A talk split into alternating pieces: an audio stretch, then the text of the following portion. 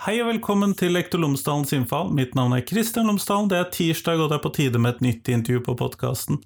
I dag så snakker jeg med Vebjørn Horsfjord fra Høgskolen i Innlandet, og vi snakker om religion i praksis. Fordi at det ofte i skolesammenheng så lærer vi om noen sånne størrelser, siloer, eh, etablerte liksom Her er religionen. Men religion i praksis, det kan være noe annet. Og så er det jo sånn at selv om man ikke er religionslærer, så kan det være at religion er relevant for vår jobb som lærer, eller for vårt del som det å være menneske. Og hva betyr det for oss? Hvordan forholder vi oss da til andre? Hva trenger vi å vite? Dette snakker jeg om Vebjørn Horsfjord om. Og så er det selvfølgelig sånn at podkasten fremdeles er sponset av Cappelen Dam Utdanning, og hvis du går inn på skolen.cdu.no, så finner du alle de oppleggene og ressursene som Cappelen Dam Utdanning har laget i forbindelse med fagfornyelsen i grunnskolen. Alle årstrinn, alle temaer, tverrfaglige temaer, alle fag, alt sammen finner du der. Skolen.cdu.no. Ellers, her kommer intervjuet med Vebjørn. Vær så god.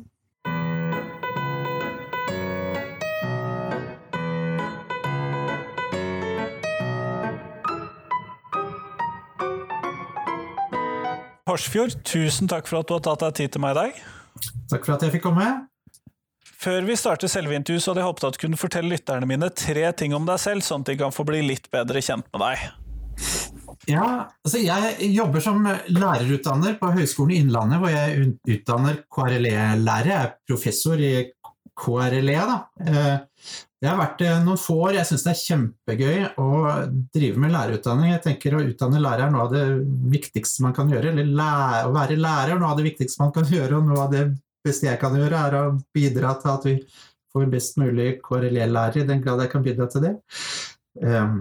Så har jeg jobba med andre ting tidligere. Jeg har jobba veldig mye med religionsdialog i mange år i forskjellige sammenhenger, både i Norge og internasjonalt. Så da fikk jeg en sånn erfaring med arbeid med mennesker med ulik religiøs bakgrunn og ulike måter å forholde seg til religion på.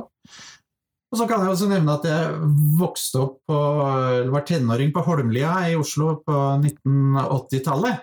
Og allerede da begynte Holmlia å bli et sånt flerkulturelt og flerreligiøst miljø, så kanskje jeg ble interessert i religiøst mangfold allerede da. For det er jo det jeg har jobba aller mest med, og det er vel sikkert derfor du har invitert meg også, tenker jeg. Det er jo det, og så har du jo skrevet en bok om religion i praksis. Og så lurer jeg jo litt på, hvorfor er det et poeng å lage en bok om religion i praksis? Er det ikke det vi alltid jobber med når vi jobber med religion som tema, f.eks. i skolen? Ja, på en måte er det jo det. Men jeg tenker liksom at praksissiden av religion på en måte er noen ganger litt undervurdert i, i norsk sammenheng. Så dette er en bok som handler om jeg, Da jeg skulle skrive denne boka, så tenkte jeg jeg skal skrive en bok om religion for folk som ikke er interessert i religion, og som ikke har lyst til å fordype seg så veldig i religion, men likevel må vite noe om religion fordi de lever i dette samfunnet som vi lever i, som er et flerreligiøst samfunn, hvor det bor mennesker med mange forskjellige religiøse tradisjoner, og ikke minst derfor mange forskjellige religiøse praksiser, hverdagspraksiser. Så er jo det denne boka handler om. Den handler om om hvordan religion kommer til uttrykk på forskjellige måter i menneskers liv. Mye hverdagsliv, men selvfølgelig også til høytid og de spesielle anledningene i livet. Så altså en, en, en bok om sånn man bare må vite om religion, var det jeg gjerne ville skrive. Og den hadde mange forskjellige titler underveis, og den, på et tidspunkt så var sånn arbeidstittel 'Det alle bare må vite om religion', for jeg tenkte det. Og det er sånn hvis man er lærer, eller hvis man er sykepleier, eller jobber i barnevernet, eller politi, eller et eller annet, bare møter mennesker på, av mange forskjellige typer, så er man kanskje ikke interessert i religion i det hele tatt. Og da er man ikke interessert i Buddhas lære, eller Koranen, eller Bibelen, eller kirkehistorie.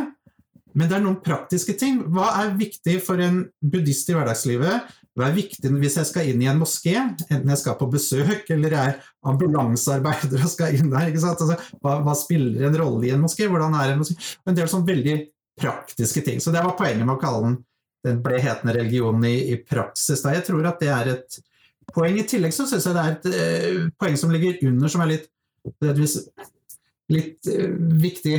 Uh, og det er det at jeg har en opplevelse, og det er mer enn en opplevelse Jeg ser litt at i Norge så er det en veldig sånn tendens til at folk tenker at religion først og fremst er, er eh, over, personlig overbevisning, det er tro, det er si, Jesus i hjertet, sånn pietistisk tradisjon. Eh, veldig luthersk. Og følelser.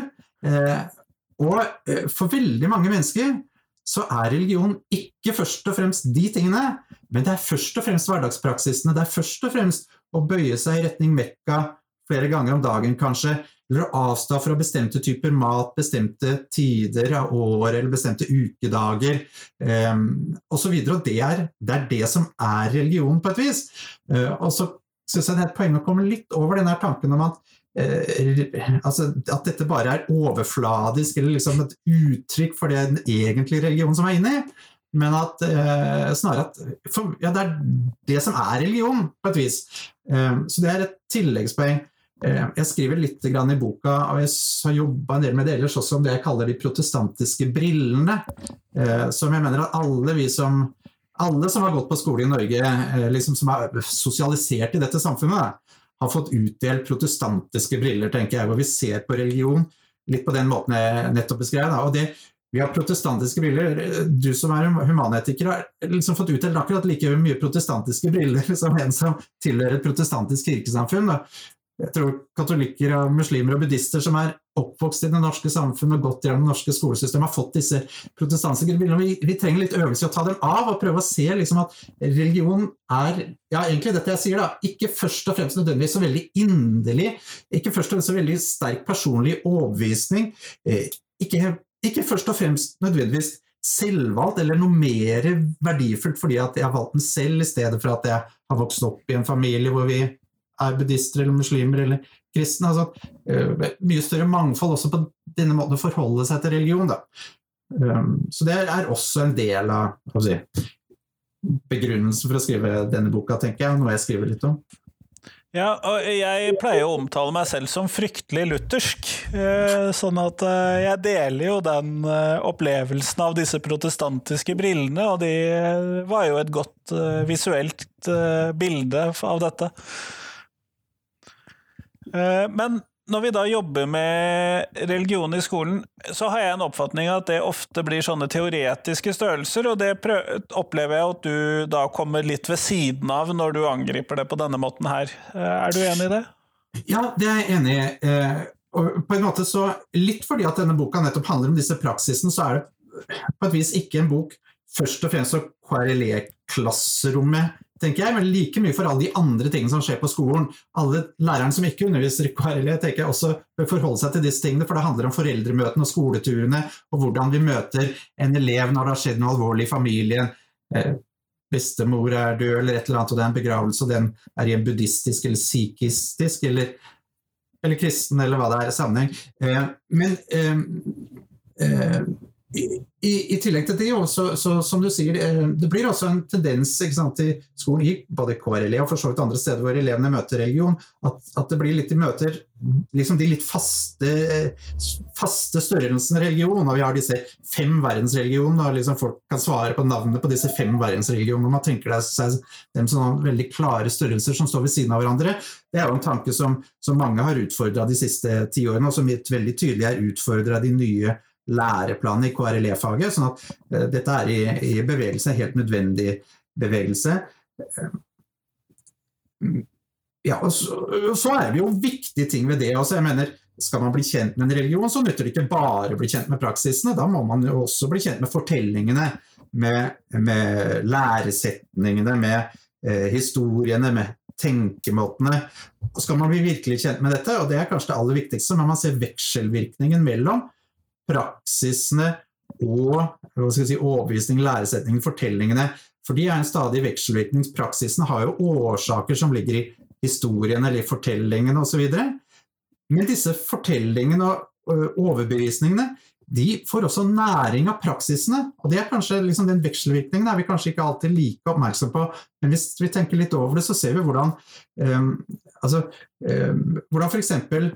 kristne overbevisninger uh, blir styrket av at uh, kristne fortellinger da, blir styrket av at vi feirer, kristne feirer disse høytidene, jul, så får du alle fortelling knytta til jula. påsken, bekrefter på en vis en masse over, kristne overbevisninger som um, sånn at det er en slags feedback der fra praksisen. Det er ikke en envei fra overbevisningen til praksisen, men praksisen gir også en, en styrking av overbevisningene på et vis. Da. Um, sånn at, den der, Sånn at den der felles feiringen vi har av eh, Eller markeringen av påske og jul osv., eller når man da putter ramadan inn på TV i NRK, så er det en måte å være med på å styrke eh, de troendes forhold til sin egen religion, kanskje?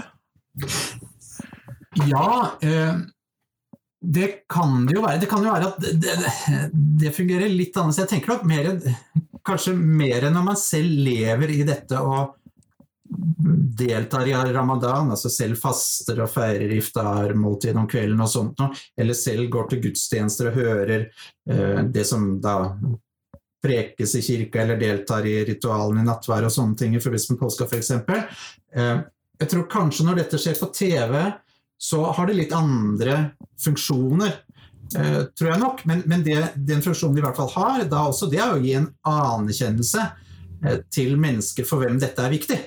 Og Derfor er det så om å gjøre, og derfor er det fint en del av det som har skjedd i senere år, hvor eh, ramadan f.eks. Uh, får en del oppmerksomhet. Uh, jeg husker I fjor så var det jo fine TV-programmer i forbindelse med id, for eksempel, det ble, og det ble, ikke, det ble ikke tatt fram som en, noe eksotisk eller en raritet, liksom noe de andre gjør. I hvert fall opplevde jeg det noen ting jeg så på TV som jeg syntes var ganske fine, men det ble gitt den samme typen oppmerksomhet som, som man gjør ved jul og påske Eh, liksom, ja, nå er det det, og så får vi litt av det. Nå er det eh, i Dalfitter, så får vi litt av det. Fordi det betyr noe for mange mennesker i dette samfunnet. Eh, men om akkurat det er sånn si, trosstyrkende på det vis, det er jeg ikke sikker på, eller det er ikke tenkt så grundig gjennom. Jeg tror ikke det er det vesentlige. Jeg tror mer at det anerkjenner personer som dette er viktig for. Da. Nettopp, nettopp. Jeg syns jo det høres fornuftig ut det du trekker fram, for du trekker fram dette skillet mellom læresetninger og det, alle disse teoretiske aspektene som man kanskje ikke nødvendigvis er så interessert i, selv om jeg er det. Eh, og du og, antar jeg også, men eh, fordi at eh, matematikklæreren og gymlæreren og ambulansearbeideren som du selv trakk fram, trenger jo ikke å vite så veldig mye om eh, læresetninger og Buddha og guruer i sikhismen osv., men eh, du har jo vist med denne boka at det er ganske mye om religion de trenger å vite likevel. Ja, jeg, jeg, tenker jo det, da. Selvfølgelig alle tenker at det de driver med er viktig for alle, men eh, jeg prøver på et vis å skjelne litt mellom de tingene som, som jeg virkelig mener er viktig for alle, og det er dette som, som, som kommer til uttrykk på den felles samfunnsarena. Eh, og disse tingene som, som, er kjempeviktige for det religiøse, og det skal på ingen måte undervurderes. Det er Buddhas lære, eller det er Koranen, eh, eller det er fortellinger om de hinduiske gudene. Det er kjempeviktig, eh, men det er ikke så viktig for meg når jeg møter deg, det du har med deg av dine fortellinger på et vis. det er når vi blir bedre kjent og skal liksom utvikle en et dypere relasjon på et vis, da, at, at, det begynner å bli viktig. Um, jeg, jeg, jeg, jeg hadde flere forskjellige titler på denne boka i arbeidsprosessen. Jeg lekte også med tittelen 'Skikk og bruk'. Eh, en religiøs skikk og bruk. For eh, ja, det finnes jo fortsatt. Og da jeg vokste opp også, var det sånne skikk og bruk. Og jeg husker ikke bokhylla hjemme, så hadde vi en sånn skikk og bruk. Den var nok to generasjoner eldre enn meg. Altså, med sånn hvordan man skulle ta av hatten og lua, hvordan man hilser på og sånn. Eh, og så tenkte jeg ja, det er noe sånn veldig besteborgerlig på et vis over sånne skikk og bruk-bøker. På én måte. Men så begynte jeg å tenke nei, men det er jo også en veldig god hjelp for dem som ikke er hjemmevant. Så, sånn at hvis du var besteborgerlig og vokste opp i et uh, hjem med flygel, som de sier, ikke sant? så vil du ikke trenge en slik bruk, for da vil du ha det inn med morsmelka.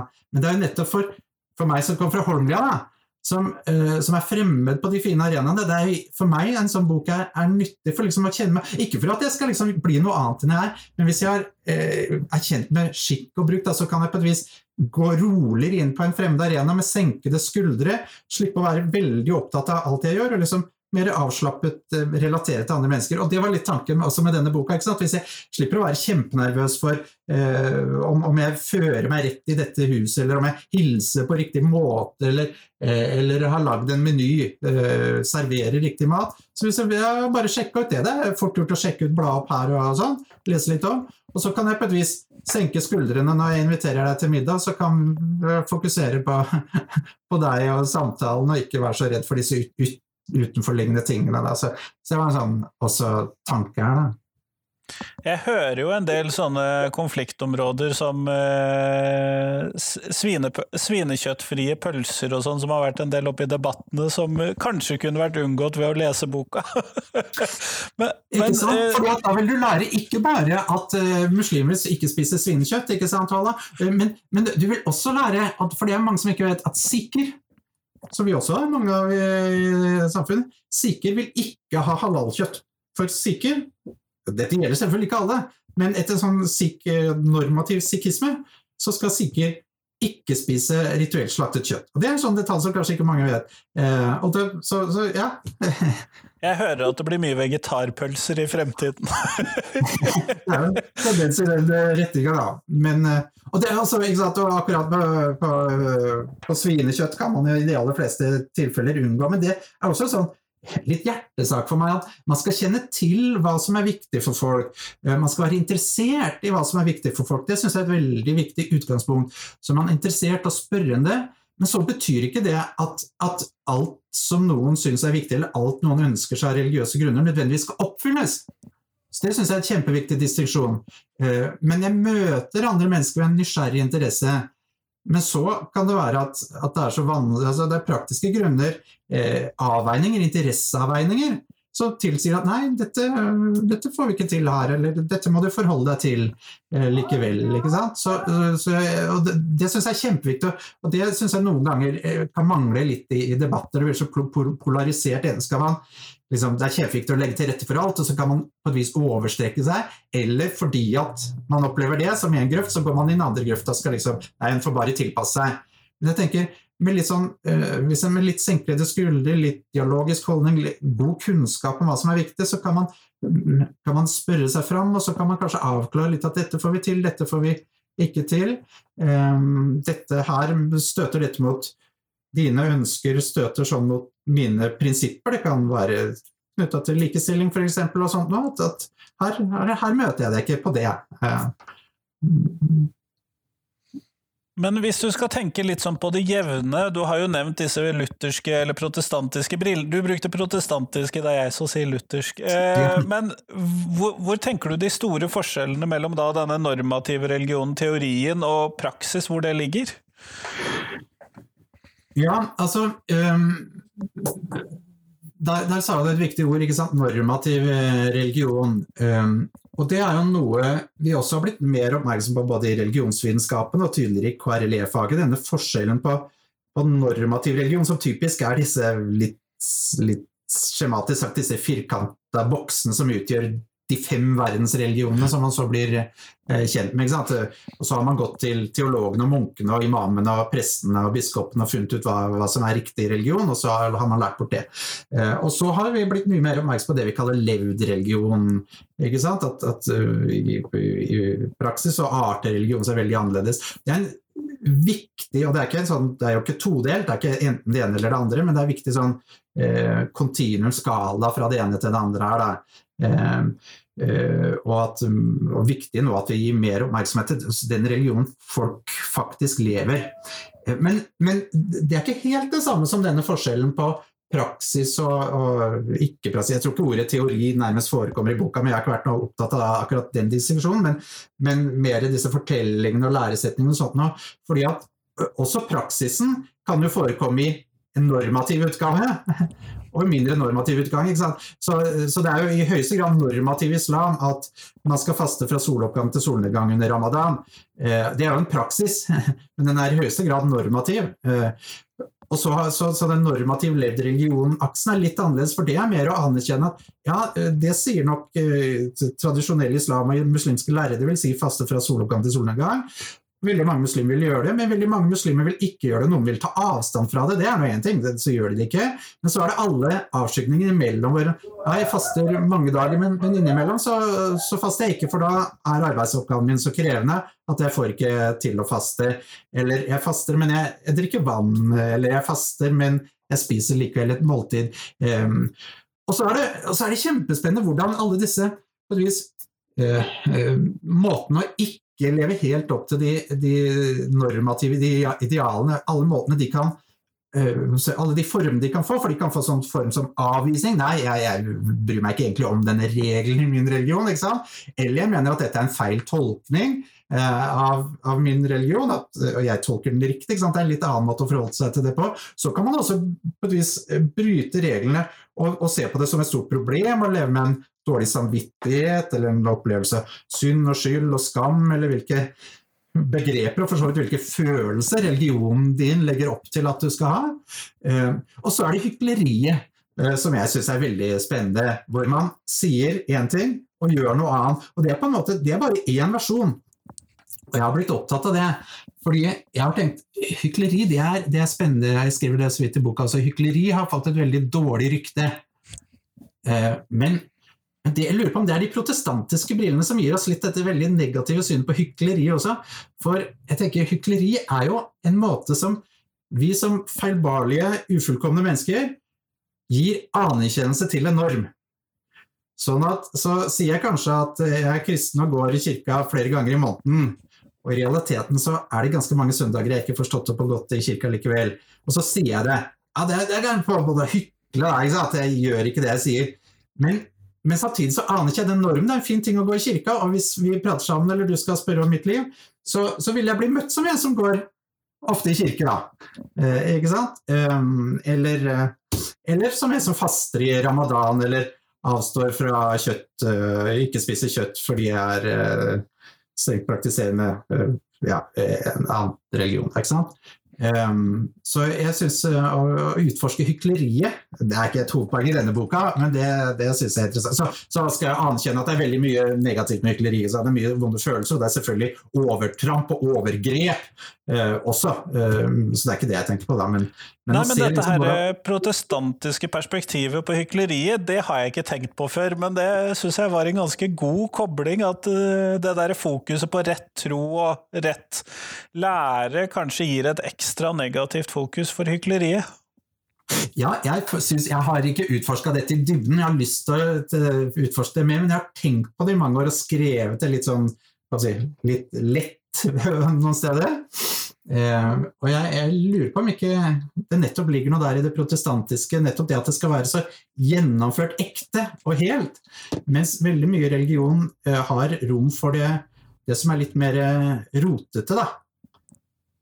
Eh, og så kan vi kanskje påføre andre sånn Det er fort gjort å tenke at det er hykleri når noen ja, ikke helt lever det, det man tenker at religion skal si. Altså, For noen er det vondt, men for noen Men for andre, ja, for andre, så er det Ja, så det bare er sånn. Jeg hører noen gode boktitler knyttet til en bok om uh, protestantisk hykleri. Det, ja, det, Dette må vi utforske videre. Ja, Men den religiøse bredden i boka er jo ganske stor, og hva er det du har liksom lagt til grunn for utvelgelsen av eh, hva du har tatt med av livssyn og religioner osv.? Ja, eh, det der var ikke lett, um, naturligvis. Og det er, uh, det er vel åtte kapitler, er det ikke det? Hvor det er disse fem vanlige verdensreligionene, som vi bør slutte å omtale på den måten, men hvor det er eh, buddhisme, hinduisme, islam, kristendom og jødedom. Eh, og så har jeg med sikhisme, for det tenker jeg er en viktig religion i Norge. Har den også kommet inn i en ny KRLE-læreplan med ny status, det var jeg litt fornøyd med. Og så har jeg delt kristendommen inn i jeg har tre kapitler om kristendom, protestantisk, katolsk, ortodoks kristendom. Og så kan jeg si hvorfor skal jeg spesialbehandle de religionene. Det er rett og slett for dette det, det pragmatiske vurderinga at dette er stort i Norge. Dette er altså Kristne utgjør jo halvparten, også av alle de som ikke er medlemmer i Den store norske kirke, er jo mer enn halvparten, ca. halvparten tilhører kristne trossamfunn, særlig katolikker, da, men også andre kristne trossamfunn. Um, så, så, det er sånn hva er stort i Norge, og hva er stort i verden? Og så lurte jeg på livssynshumanisme. Jeg tenkte jo veldig grundig gjennom det, jeg diskuterte også med, med, folk jeg kjenner i Humanisk Forbund og sånt, og, og kom til at det, det kan, kunne bli litt kunstig, fordi at denne boka nettopp handla om religiøse praksiser. da. Eh, for, for, humanetikere vil selvfølgelig si at livssynet har mange praktiske konsekvenser, men det, er også samtidig, sånn jeg oppfatter det, vesentlig poeng for mange humanetikere at liksom hverdagen og livet ikke skal styres av overbevisninger. Så det er, så det, det, ja, det er sånn livssynsoverbevisninger, i disse praktiske ting, i klær, klær og, og mat og, og, sånn. Ja, det ville blitt et tynt kapittel, ja. Det ville blitt et tynt kapittel, akkurat det som var poenget. Det ville blitt et veldig tynt kapittel, og hva kunne det formidle? Det kunne formidle en sånn måte å si at dette er et livssyn eh, på linje med de andre, positivt. Men det kunne også bli sånn ja, dette er en litt mangelfull religion, som liksom ikke har så mye. Og det vil jeg unngå. Eh, så, så, jeg tok ikke det med. Og så er det selvfølgelig nyreligiøsiteten, nyåndeligheten, alle de, hvilke ord man bruker på det, eh, som jeg lurte på. Eh, men som, som, jeg ikke helt greide å finne en form på. Så, alt må jo, så det er pragmatiske vurderinger. Så det, det, kanskje største mangelen, og det traff meg litt, ved en bokomtale Jeg har fått ganske positive bokomtaler, hvis jeg skal si det sjøl. Men, men, det var en som påpekte hvor er lestadianismen her? Denne, og da, da, tenkte jeg, da følte jeg her var det liksom søringen som hadde skrevet uh, bok. For lestianisme er liksom, veldig mange mennesker, uh, altså Lagt fra noe flertall, men, men, det er ganske mange mennesker, og primært i Nord-Norge, da, som tilhører denne retningen innenfor den lutherske tradisjonen, men med veldig særpreg, og ikke minst særpreg når det kommer til praksiser, som var min interesse her.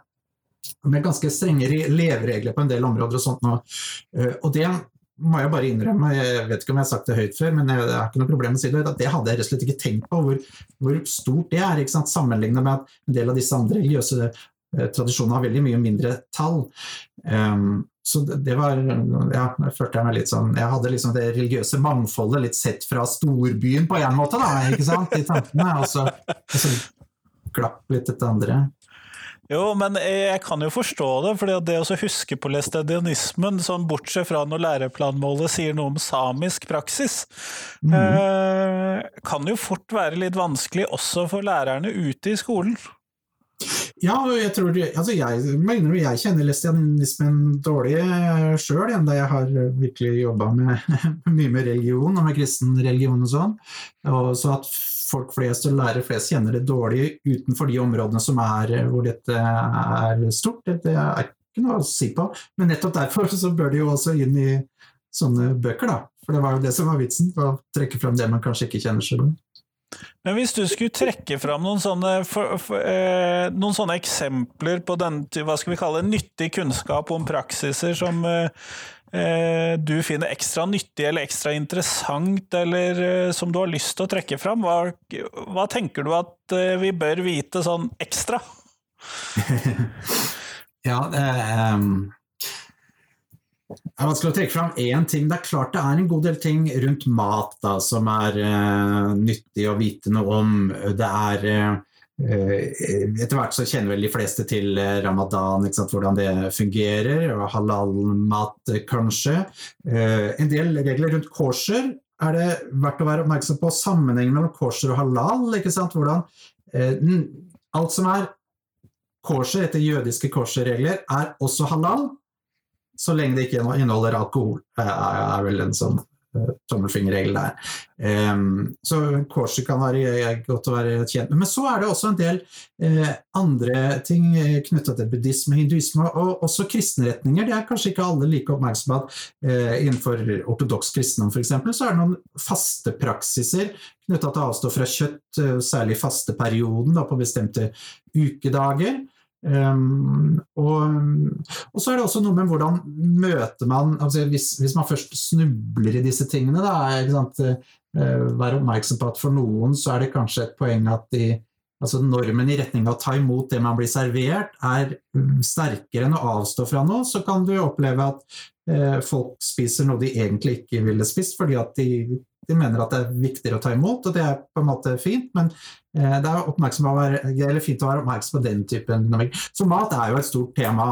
Eh, så er det jo å, å kjenne litt til høytidene, tenker jeg. Det er eh, viktig. Um, å orientere seg i høytidskalender og sånt. Etter hvert, altså igjen, Islam begynner mange å bli kjent med, men der er det også, uh, også uh, altså, Det er høytider utover Id al-Fitr og ramadan også. Uh, og det er, altså, jeg har opplevd, det er ikke mange år siden det ble organisert et stort Jeg skal ikke si, nevne akkurat hvem som organiserte det, men det ble organisert et stort møte som handler om kulturelt mangfold og uh, flerreligiøst samfunn av en viktig institusjon. Og det ble lagt til Id al-Fitr. Ja. Fordi ingen kom på å sjekke. Jeg tenkte ikke på det. Og det er klart, da får man jo ikke med muslimene, da. Eh, veldig uheldig. Og så er det eh, ja, Ortodokse kristne feirer påske som regel til en annen tid enn katolikker og protestanter, f.eks. Det er jo sånn som kan være verdt å være oppmerksom på. Så som jeg nevnte, disse fasteperiodene, som er veldig viktige i ortodoks tradisjon både før jul og enda mer før påske. Eh, klesdrakt er enda et sånt hovedtema i det praktiske. Der er det jo mer at altså, folk eh, passer på sine egne klær, men at man er oppmerksom på å legge til rette Jeg syns man skal legge til rette så langt det er praktisk mulig, da, for at folk kan bruke de klærne og oppfylle de, eh, de ønskene de, har på det området. Ja, nei, Dette med faste syns jeg er litt interessant, for jeg har jo kommet inn i en familie som driver med den slags siden jeg giftet meg med en kristen kvinne som praktiserer faste. Og det å komme fra en litt sånn julaftenkirkelig bakgrunn og så ende opp i en eh, relativt praktiserende kristen familie, det er en, det er en overraskende stor overgang. ja, ja, ikke sant? Og det er, det er mange forskjellige kristne fastepraksiser. Um, og det er ikke så lett å si hva som er eller det er ikke noe poeng å si hva som er riktig eller galt, men det er ikke så lett å sette fingeren på. Altså, for det, der er nok veldig individuelle forskjeller, typisk på familienivå, eh, vil jeg tro. Um, men at å, å, oppøve en sånn respekt for at ja, dette er viktig, uh, dette er en del, uh, vel så viktig del av det religiøse livet for mange, da, som som ja, bibellesning i kristen tradisjon, eller, eller de overbevisningene, kanskje, eh, for, for noen. Eh, det, det, tror jeg er et poeng. Um, men Kjempeflott. Du Vebjørn, vi går mot slutten av podkasten, og da skal jeg stille deg det siste spørsmålet mitt, som jeg stiller til alle jeg intervjuer. Og hva er det aller viktigste skolen lærer elevene, hvis du skal velge tre ting? Ja, ja altså eh, jeg syns jo at uh, Jeg har alltid vært så glad i, i første setning i opplæringsloven, i, i formålsparagrafen. Skolen skal åpne dører mot verden og framtida.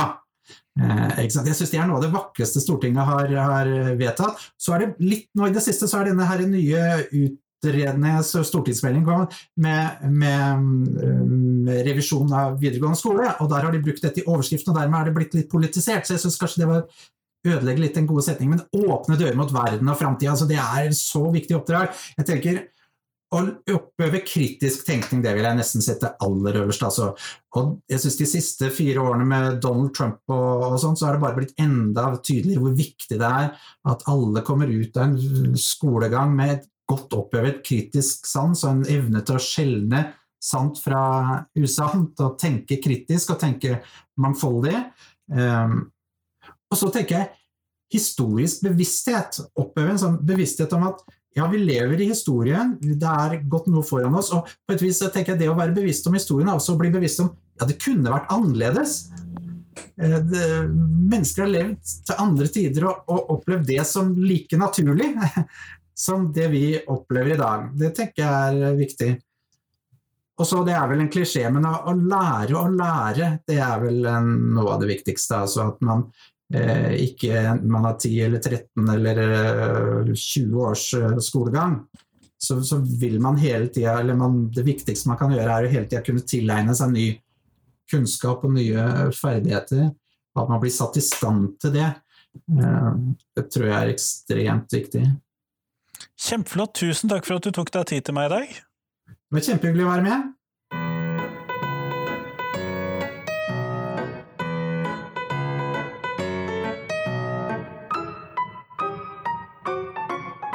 Tusen takk til Vebjørn, og tusen takk til deg som hørte på. Nå kommer det noen uh, uker på podkasten hvor det dreier seg om skolepolitikk. Jeg vil uh, treffe representanter for de aller fleste norske politiske partiene. Og med det så mener jeg de store, de som er på Stortinget, også noen få utenfor Stortinget. Og vi snakker rett og slett om deres skolepolitikk og hva de ønsker for norsk skole etter valget.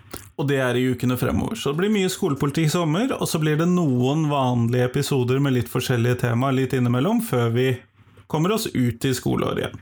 Men del gjerne podkasten min med noen som du tror vil sette pris på den. Det blir jeg veldig glad for.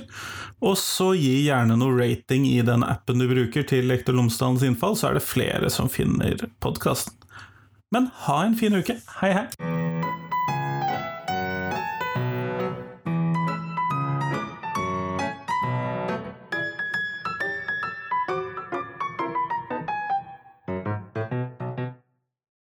Husk at hver eneste torsdag så kommer jeg ut med et uh, Tenketorsdag-bilde, hvor jeg stiller et spørsmål jeg tenker er viktig å reflektere over for norsk skole.